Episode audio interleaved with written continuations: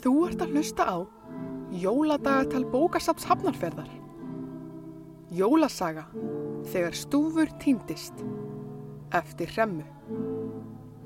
Höfundur les. Þriðji kapli.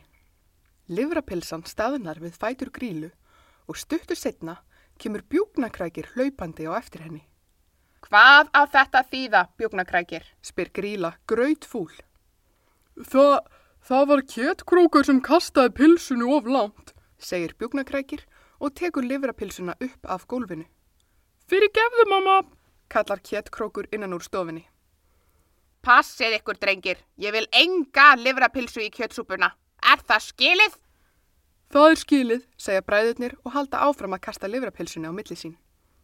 Kjettkrókur, bjúknakrækir og stúfur eru í leiknum Jólasveitnin í miðjunni.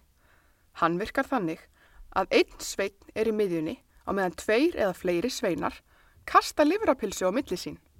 Sá sem er í miðjunni á að reyna að grípa livrapilsuna. Ef það tekst, má sveitnin í miðjunni skipta við þann sem kastaði síðast og þannig fá allir tækifæri til að kasta og grípa. Nema þegar stúfur er með, líkt og núna. Því, eins og þið vitið, þá er stúfur ekki hár í loftinu og sama hvernig hann hoppar á gólfinu, á sófanum eða af stofuborðinu, þá tekst honum ekki að ná livrapilsunni af bræðrum sínum. Frekar ósangjant finnst stúfi.